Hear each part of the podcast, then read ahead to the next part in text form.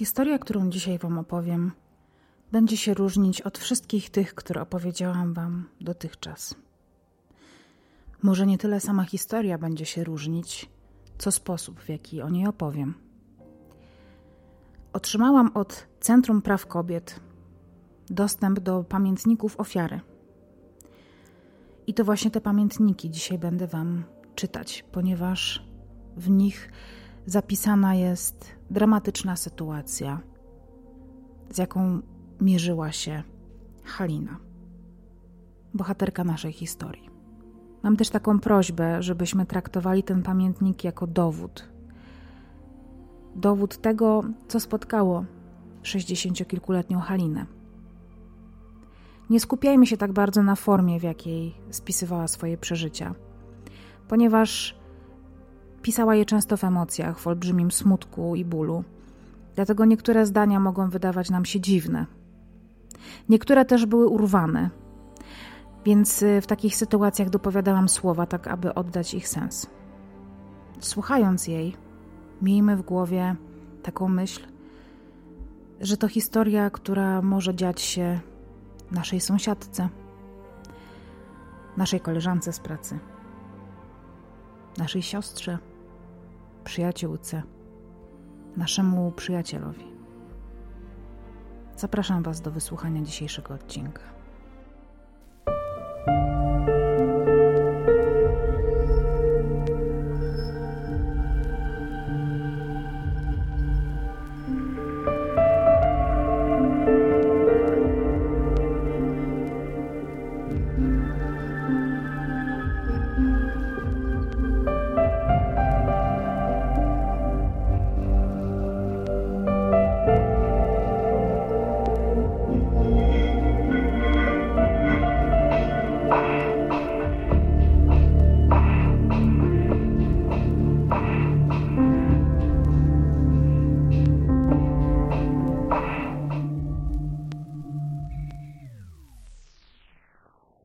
Ten zeszyt może dostać tylko Maria O.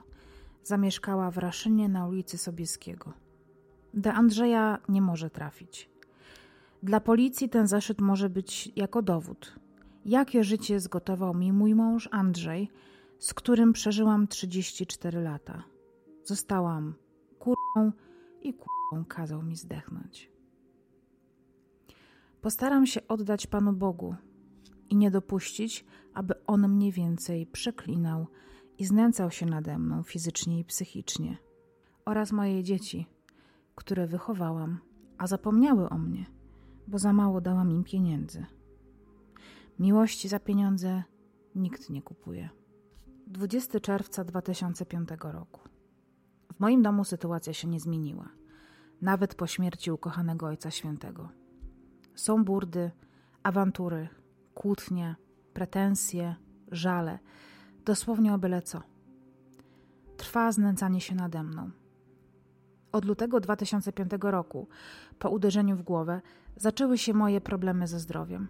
Mam jakieś omdlenia, gdzieś się zapadam, potykam, chodzę ciągle do lekarzy. Są różne podejrzenia, ale mąż się nie zmienił. Jak były takie scysje, tak są nadal. Powiedziałam mu, że podejrzewają u mnie padaczkę pourazową. W reakcji na następny dzień się upił. Staram się więcej nic nie mówić, bo nie mam w nim żadnego wsparcia, ani współczucia, ani żadnej pomocy. On uważa, że robi dobrze. Inaczej przecież nie może być. Wymusza na mnie podporządkowanie i ustępstwo, a ja naprawdę nie mam siły z nim walczyć. On już mnie do końca upokorzył. Dnia 4 czerwca 2005 roku miałam podłączony holter. Wiedział, że muszę być u lekarza, bo pracowałam dwie kolejne soboty. Po przyjściu jego z pracy, już wcześniej były problemy, bo 1 czerwca w Dzień Dziecka też przyszedł pijany. Zaczął na mnie hukać. Na siłę chciał iść na spacer z psem, ale ja, żeby nie patrzeć na niego, chciałam wyjść na dwór. Obiad był przygotowany. Nie chciało mi się wracać do domu, ale wróciłam. Zastałam go śpiącego. Obiadu nie jadł. Nie odzywałam się. Też było źle. 4 czerwca po powrocie zauważył Holtera. Miałam go na szyi.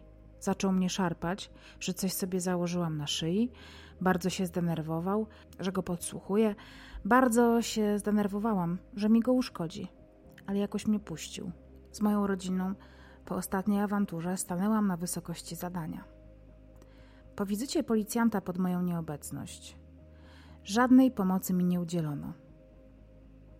Po wizycie u lekarza Radłowskiego tam też nie otrzymałam pomocy. Jedynie wizyta po kolędzie otworzyła mi buzię.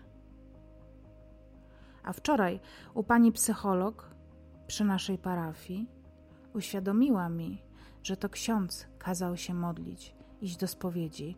Zobaczę, co z tego wyniknie. Druga wizyta u pani psycholog wraz z Andrzejem postawiła nas trochę na nogi. Ja się wygadałam, on dużo rzeczy dowiedział się o sobie, co go tak prowokuje do tego, skąd te wszystkie powody do agresji posiada. Nie potrafił odpowiedzieć na wiele pytań. Pani psycholog przyrzekł, że będzie sięgał po krople uspokajające. Więcej rozmawiał.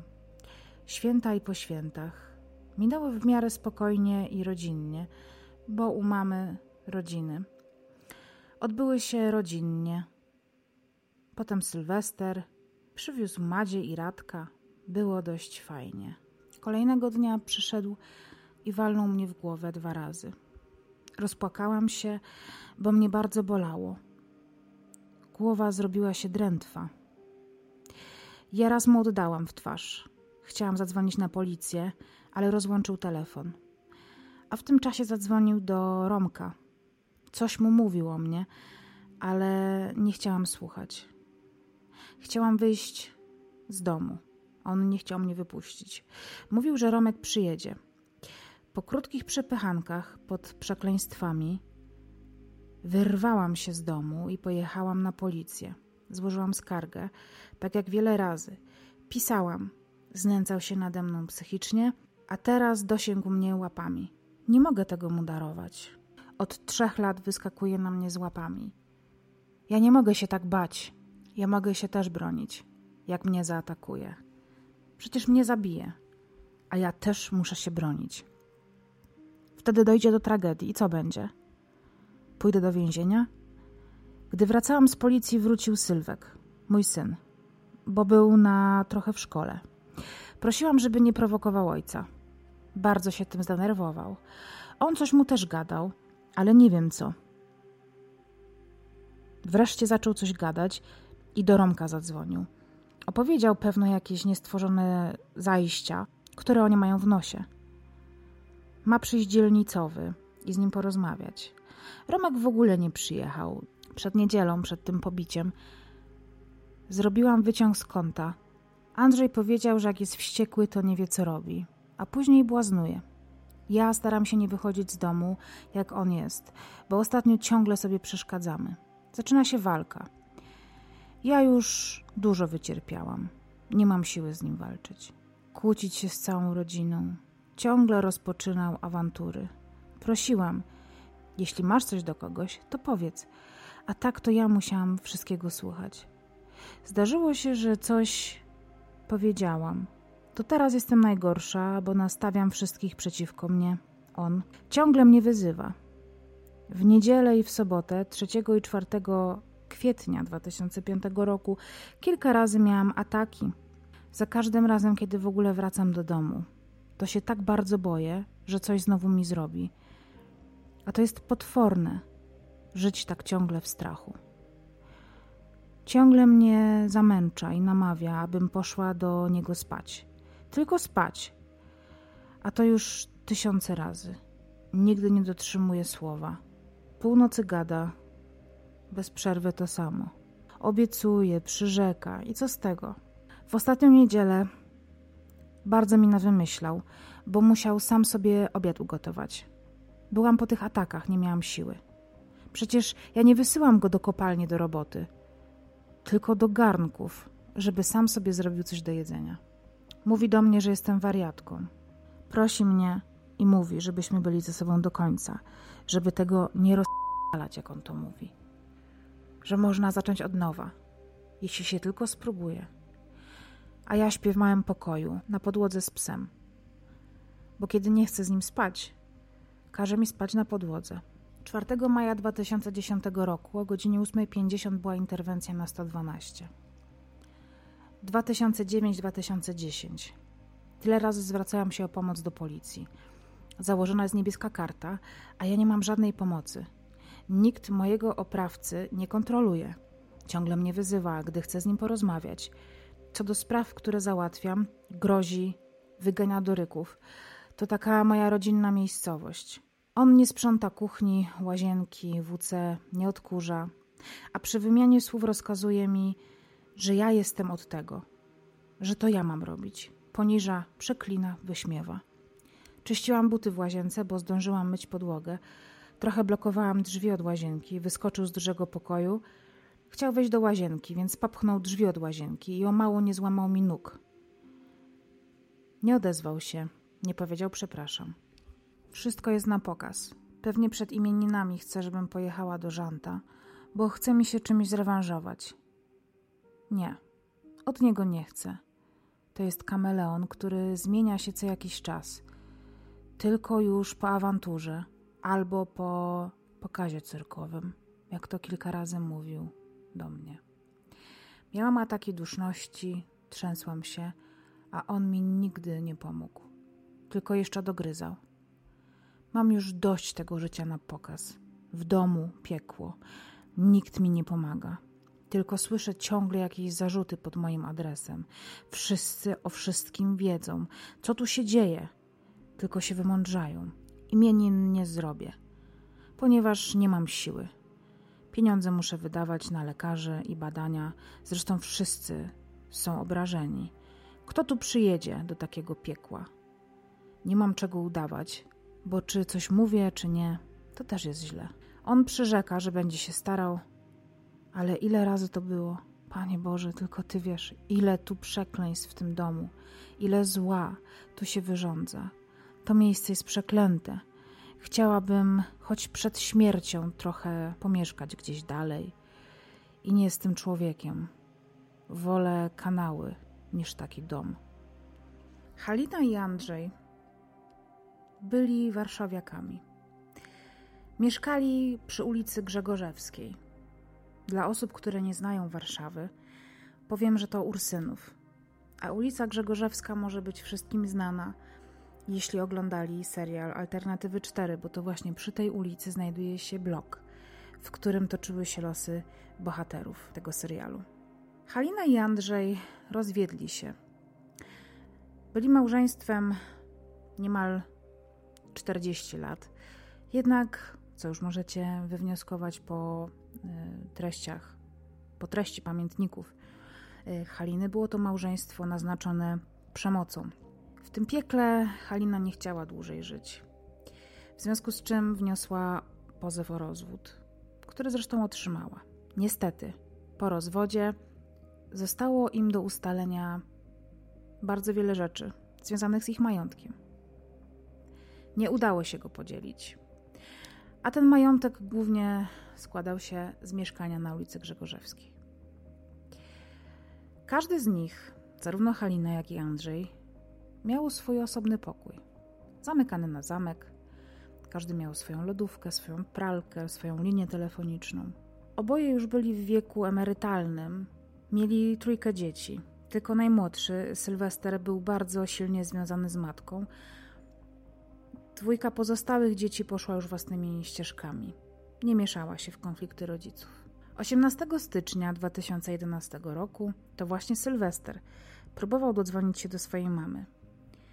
I kiedy nie udało mu się dodzwonić do niej przez cały dzień, zaniepokoił się mocno, ponieważ wiedział, że matka bywała bardzo często w domu i nie wychodziła z niego, ponieważ bała się wychodzić z domu. Więc pomyślał, że coś jej się stało. Pojechał do domu. W mieszkaniu nie zastał nikogo, ale coś tknęło go, żeby wejść do łazienki. I to właśnie tam znalazł zwłoki swojej mamy. Było jasne, że została zamordowana. Była uduszona. Dla Sylwestra było jasne, że za tym zabójstwem musi, po prostu musi stać jego ojciec Andrzej. Ale Andrzej na dzień zabójstwa Haliny, swojej byłej żony, z którą nadal mieszkał i nad którą znęcał się latami, miał doskonałe alibi. Przez cały dzień był w pracy. Policja więc miała związane ręce. Ale jeśli nie mąż, to kto?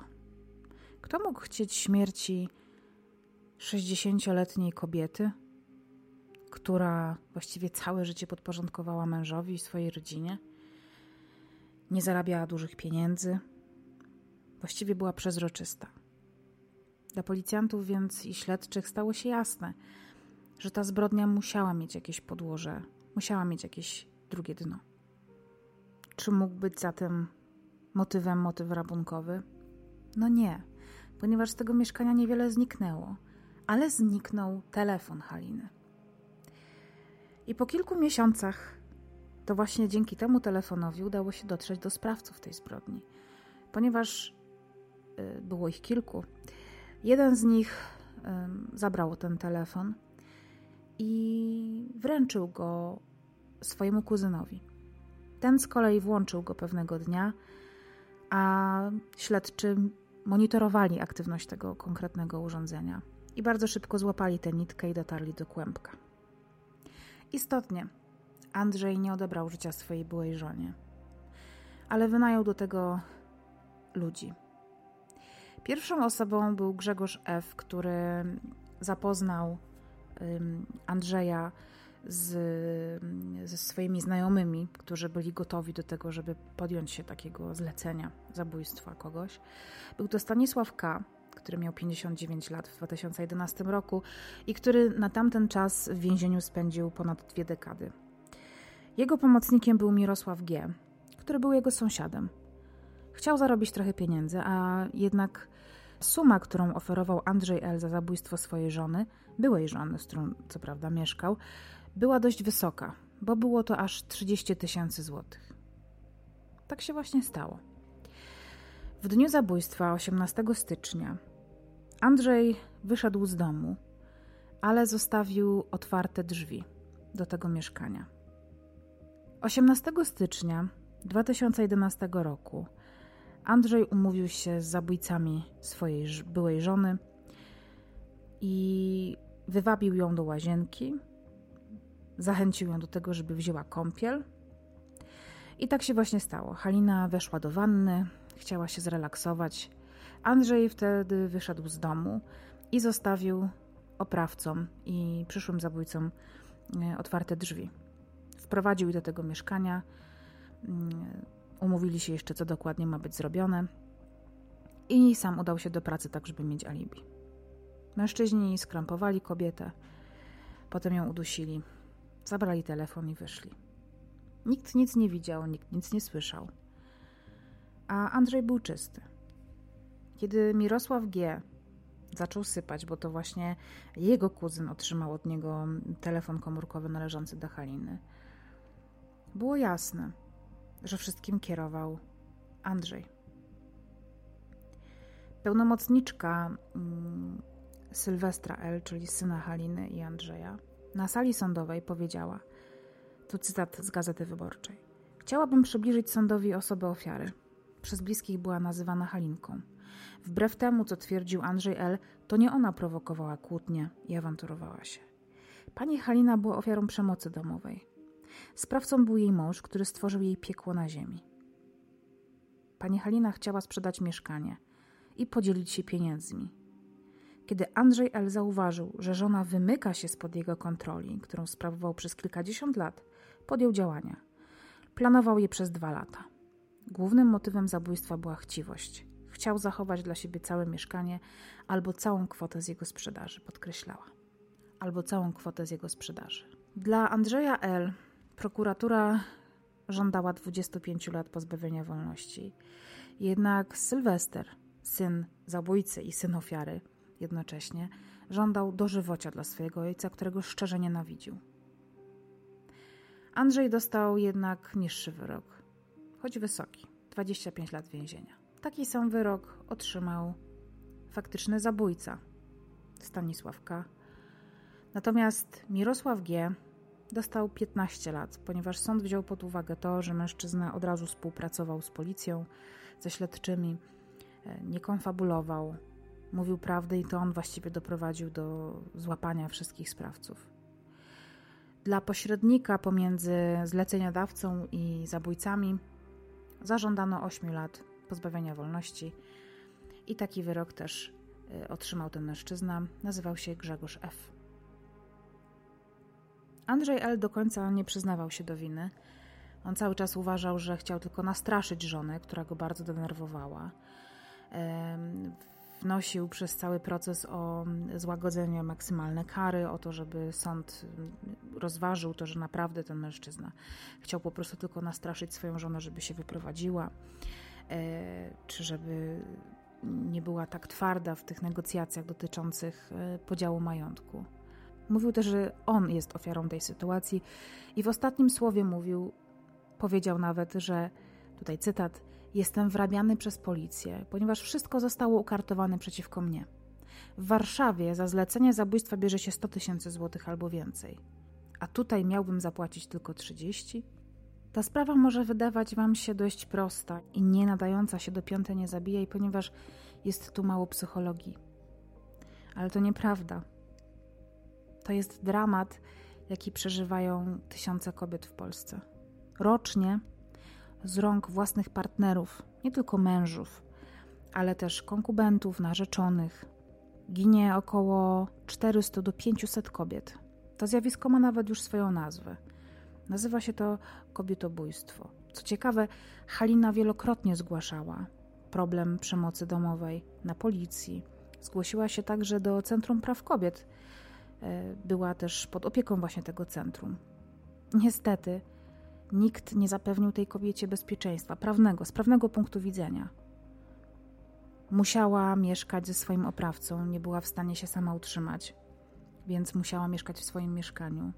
Chciała żyć od nowa, chciała je sprzedać, podzielić się pieniędzmi i chciała, żeby każdy poszło w swoją stronę. Dla Andrzeja to było nie do pomyślenia. Nie chciał dzielić się ze swoją byłą żoną niczym i do końca chciał ją kontrolować. Przez dwa lata planował jej zabójstwo, więc nawet te wpisy, które czytałam z 2010 i 2009 roku, są z tych czasów, kiedy on planował już zabicie jej. Kupował jej prezenty momentami, czasami starał się być dla niej miły, jednak traktował ją gorzej niż traktuje się najgorszego wroga. Mąż znęcał się nad nią przez wszystkie lata małżeństwa.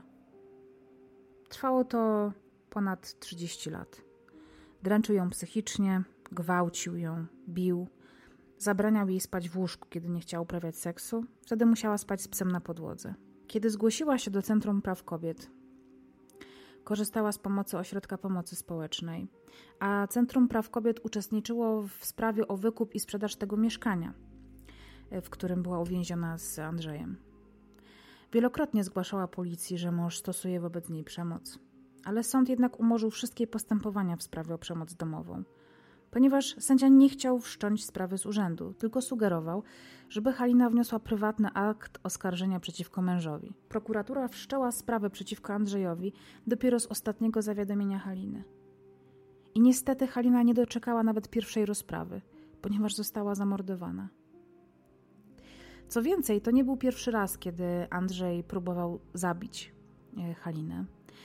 E, kilkukrotnie wcześniej podejmował próby zabójstwa. Na przykład na jej szczoteczkę do zębów wysypał żrącą substancję, która poparzyła jej wargi, jamę ustną i przełyk.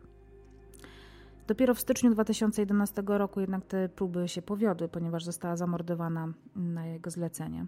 Co więcej, kiedy wynajmował tych zabójców do tego, żeby pozbawili życia Haliny, nie wiedział, że sam padnie w sumie poniekąd ich ofiarą, dlatego że po zbrodni mężczyźni zaczęli szantażować Andrzeja e, i wyłudzać od niego e, większe kwoty pieniędzy, co pewnie też spędziło mu sens powiek, ale tutaj w ogóle nie jest mi go szkoda, szczerze powiedziawszy. Mm, co ciekawe, też sprawcy byli na e, pogrzebie Haliny. Nie tylko był na nim Andrzej, ale też Stanisław, i jego dwaj pomocnicy. Jest to niestety historia wcale nie odosobniona. Ja na początku, kiedy o niej czytałam, byłam przekonana, że to się dzieje w jakimś domu na uboczu. Ale to się działo w bloku, w którym mieszkało kilkaset osób.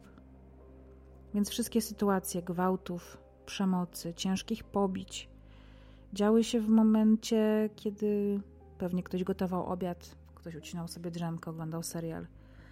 Takich rzeczy nie da się nie słyszeć, nie da się ich pominąć. To, o co Was dzisiaj proszę, to to, żebyście mieli większą uważność i wrażliwość na przemoc, jaka dzieje się wokół Was. Ponieważ są osoby, które są wobec tej przemocy kompletnie bezbronne.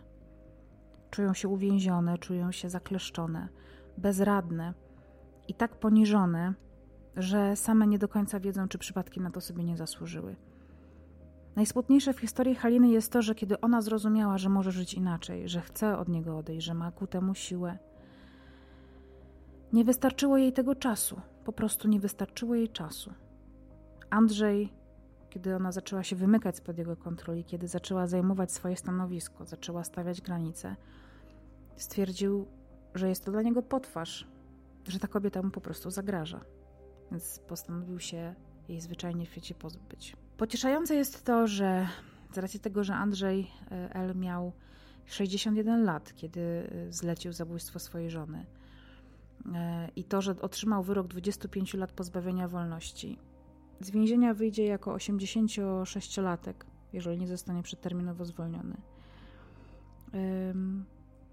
A to już jest taki wiek, w którym, którego często ludzie nie dożywają, więc może nigdy już nie wyjdzie z więzienia. Jest to historia niesamowicie smutna. I proszę Was też, żebyście, jeżeli znacie kogoś, kto mm, jest ofiarą przemocy domowej, kto potrzebuje takiej pomocy, jeżeli Wy sami chcecie komuś pomóc, albo sami jesteście ofiarą, same jesteście ofiarami przemocy domowej, wejdźcie proszę na stronę Centrum Praw Kobiet i tam możecie uzyskać pomoc psychologiczną, mieszkaniową. Naprawdę warto mieć ze sobą i za sobą kogoś, kto będzie Was wspierał w tak trudnym czasie e, i kto Wam pomoże w tak e, mocnej rewolucji w Waszym życiu. Czasy też się trochę zmieniły, to już na szczęście nie jest 2011 rok. Dzisiaj na przykład gwałt jest zbrodnią e, ściganą z urzędu, nie, nie na wniosek osoby poszkodowanej, w związku z czym na pewno jest lepiej, chociaż wciąż nie jest doskonale. Na przykład mamy wciąż przykład Zakopanego, gdzie samorząd nie podjął żadnej uchwały, która chroniłaby kobiety dotknięte przemocą. Trwa też kampania Centrum Praw Kobiet Stop Kobietobójstwu, która walczy z mm, przemocą wobec kobiet. Nie wiem, czy wiecie, ale co 40 sekund jedna kobieta doświadcza przemocy. Co 7 minut do służb na przykład na policję, zgłaszany jest akt przemocy domowej. 800 tysięcy kobiet w wieku od 16 do 60 lat rocznie doświadcza przemocy. Co druga kobieta udaje się do lekarza po tym, jak doświadcza przemocy, czyli co druga tego w ogóle nie robi. Co szósta kobieta potrzebowała hospitalizacji z powodu przemocy. Rocznie około pół tysiąca kobiet ginie w Polsce w wyniku przemocy domowej. Na stronie cpk.org.pl łamane przez Stop Kobietobójstwo znajdziecie historię kobiet, które e, były dotknięte przemocą. Możecie też wypełnić sobie e, taki test, kartę zagrożenia, e, dzięki któremu dowiesz się, dowiecie się, jeżeli jesteście ofiarą przemocy domowej, czy to jest już ten moment, kiedy jesteście ofiarami tej przemocy, czy to już jest ten moment, kiedy macie się zgłosić po pomoc tak żeby nie podzielić e, losu Haliny. Wejdźcie proszę na tę stronę, podzielcie się nią z osobami, e, które podejrzewacie o to, że są ofiarami przemocy domowej. Pomóżcie takim osobom, nie naciskajcie, ale bądźcie z nimi. Zachęcam Was też do obejrzenia e, rozmowy z Katarzyną Grocholą, którą przeprowadziłam kilka miesięcy temu, gdzie ona opowiada o tym, jak rozmawia z ofiarami przemocy domowej, ale też o swoich doświadczeniach z przemocą domową, której była ofiarą. Sama zna osoby, które korzystały z Centrum Praw Kobiet, zna psycholożki i psychologów, którzy tam pracują, więc naprawdę jest to y, takie kompendium wiedzy trochę na ten temat. Co najważniejsze, możecie też wesprzeć y, Obserwatorium do Spraw Kobietobójstwa. Y, to jest taki nowatorski projekt, który pozwoli zdiagnozować skalę zjawiska w Polsce kobietobójstwa i w ogóle przemocy wobec kobiet oraz zapewni wsparcie rodzinom zamordowanych kobiet w dochodzeniu sprawiedliwości, tak jak y, Sylwestrowi. W ramach tego obserwatorium Centrum Praw Kobiet chce wypracować kompleksowe propozycje rozwiązań takich już prawno-instytucjonalnych, które pozwolą zminimalizować liczbę zabójstw kobiet doświadczających przemocy, na przykład przez prawne chronienie ich przed ich oprawcami. Mm, to, czego Halinę, e, Halinę, to, co Halinę właściwie ominęło. E, także też dzieci oraz bliskich członków rodziny kobiety, którzy też są bardzo często przez sprawców przemocy szantażowani, osaczani, e, są zagrożeni. Zachęcam Was jeszcze raz do tego, żebyście odwiedzili Centrum Praw Kobiet cpk.org.pl stop kobietobójstwu. Jeżeli znacie taką Halinę, pomóżcie jej. Podajcie jej rękę. Bądźcie bezpieczni i do usłyszenia już jutro.